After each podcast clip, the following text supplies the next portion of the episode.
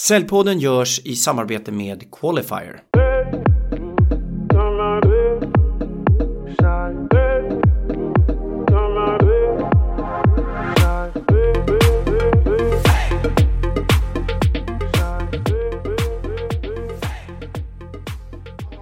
Hej, välkommen till Säljpodden. Jag heter Ken Skog och det här är en podd för oss som gör affärer. Jag sitter här med Ingrid Hög, koncernchef för Wise Group. En koncern med sju stycken specialistbolag och tolv stycken varumärken som alla arbetar inom olika delar av HR-området. Och idag ska Ingrid och jag prata om ett ämne som jag väljer att döpa till det personliga mötet.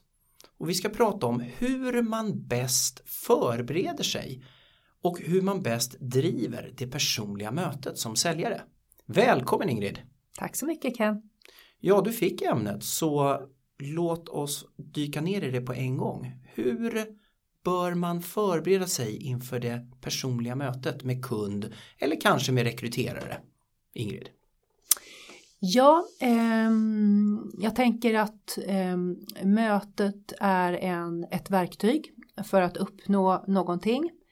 Och eh, om man tittar ur ett säljarperspektiv så jobbar man med relationsbaserade tjänster. Oftast så är eh, mötet viktigt för att få en kontakt och kunna presentera sin tjänst eller visa hur den identifierar ett behov till exempel. Så att Eh, det handlar ju om att inför att eh, förbereda sig för ett möte måste man ju veta vad mötet då har för funktion i en process och gentemot den man ska träffas så att man är tydlig med avsikten med mötet och syftet med mötet. Så att ur, ur det perspektivet så ser jag alltid att den som tar initiativ till mötet, i det här fallet då säljaren, måste eh, vara klar över att eh, hen eh, är ansvarig för att mötet blir i linje med vad man då har uttalat och att det blir bra. Både att man själv är bra i mötet och får gjort det man ska göra men också att den man träffar och möter att mötet har hög leverans för den personen och att den personen också har en, en möjlighet i mötet att, att vara bra och prestera bra. Så på det viset så behöver ju mötet för, förberedas att man mentalt skapar en förväntan genom att eh, man är tydlig med kanske en agenda eller liknande man kommer gå igenom.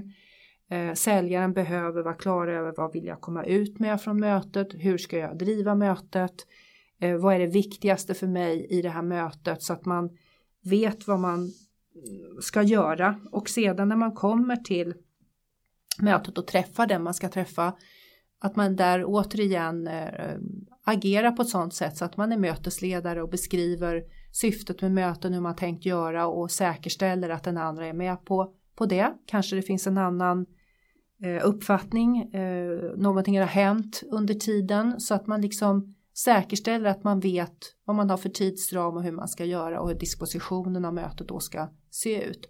Och sen driver säljaren mötet utifrån en agenda eller en viss, eh, ett visst syfte eh, och behöver ju då vara förberedd genom att ha läst in sig på den man ska träffa, man är, på, man, är så, man är påläst men man är också beredd med olika typer av frågor beroende på vad man ska få fram. Eh, man, har, man ger utrymme för den man träffar att få svara på frågorna och resonera kring dem. Så att man hela tiden är, tillsammans känner att det här Eh, eh, vi får fram det vi ska ha fram. Så för mig är det väldigt mycket också handlar det om om det är ett första möte så kan det ju vara så att man vet ju inte så mycket om den man träffar förutom det man kanske har förberett sig och läst in sig på.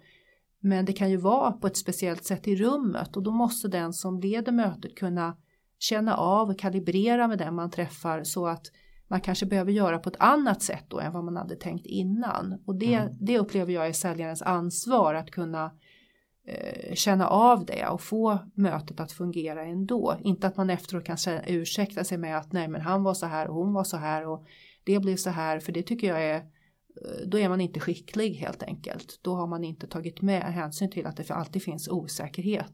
Det kanske inte blir så som du trodde. Då måste du få det att bli så bra som möjligt. Tycker du att eh, du möter ju många säljare idag. Tycker du att eh, säljare som kommer till dig är förberedda, pålästa och förstår att de driver mötet?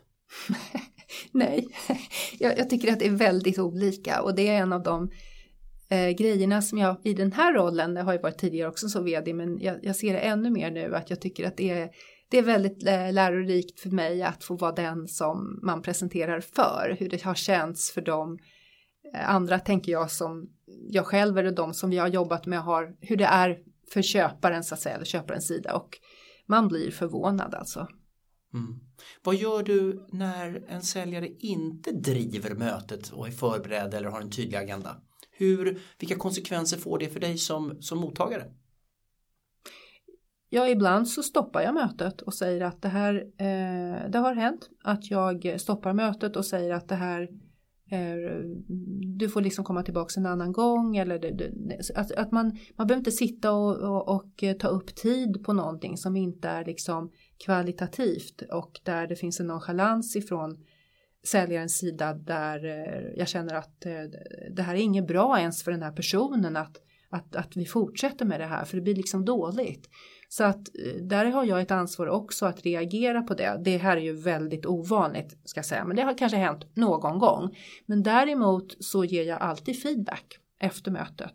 Mm. på vad jag tyckte var bra, hur presentationen var, om det var relevant och så vidare. Så jag, är, jag känner att jag kanske är lite för för rakt där. Men, nej, men jag tycker att det, vi måste vara ehm, proffsiga med varandra. Jag har en professionell eh, ansvar eh, som mottagare eller möjlig köpare på sikt och säljaren behöver få återkoppling på eh, hur han eller hon hur det fungerar utifrån mitt perspektiv, om de är relevanta eller ej. Och jag har verkligen uppskattat det eh, hos mina kunder, alltid frågat om feedback efter möten och i samband med att var det här ett bra möte tycker du? Var det relevant för dig? Är du nöjd med det vi har gått igenom? Var det i linje med vad du förväntade dig innan?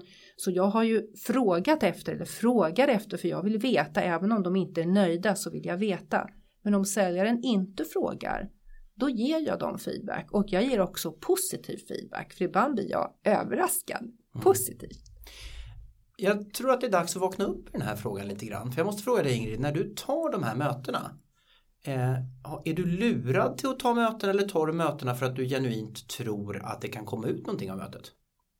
Jag får ju vara väldigt varsam, jag får väldigt många samtal så nu har jag ju möjlighet eller vad ska jag säga, jag tar inte möten som jag inte ska vara med på om jag inte är särskilt nyfiken på någonting, för sånt kan hända, att jag går lite på feeling.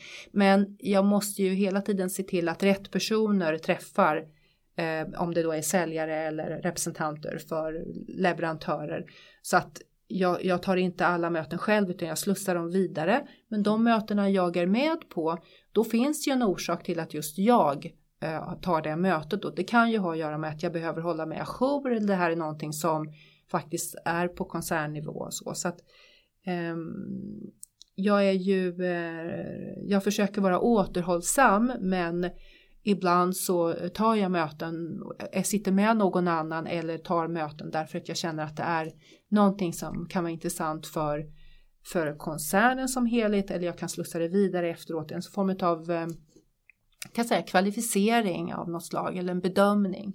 Så att rakt på sak, du har tagit mötet för att du har en förväntan att någonting positivt ska komma från det här mötet? Ja, absolut. Men där eh, är det, hör det till ovanligheten att den som kommer frågar mig eh, vad vill du ha ut av det här mötet? Om den personen då inte har varit tydlig innan med att jag har tänkt göra så här, eh, jag föreslår så här, alltså driver mötet och är aktiv utan man kör liksom någon sorts presentation. Men om, om personen innan säger jag har tänkt så här. Eh, hur låter det för dig? Eller vad har du för förväntan? Den hör till ovanligheten att man ställer. Och den är ju så enkel för då kan man ju hamna så otroligt mycket mer rätt som säljare.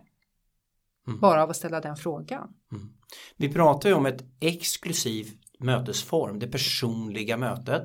Där i dagens samhälle har köparen kunnat gjort en hel del av research digitalt. Kommer troligtvis till mötet med någon form av förväntan. Att då inte ha en agenda klar för sig, att inte ha funderat kring vilka frågor eller syftet med mötet och så vidare. Det är ju att underskatta situationen och köparen ganska drastiskt. Det är ju det du säger rakt ut här.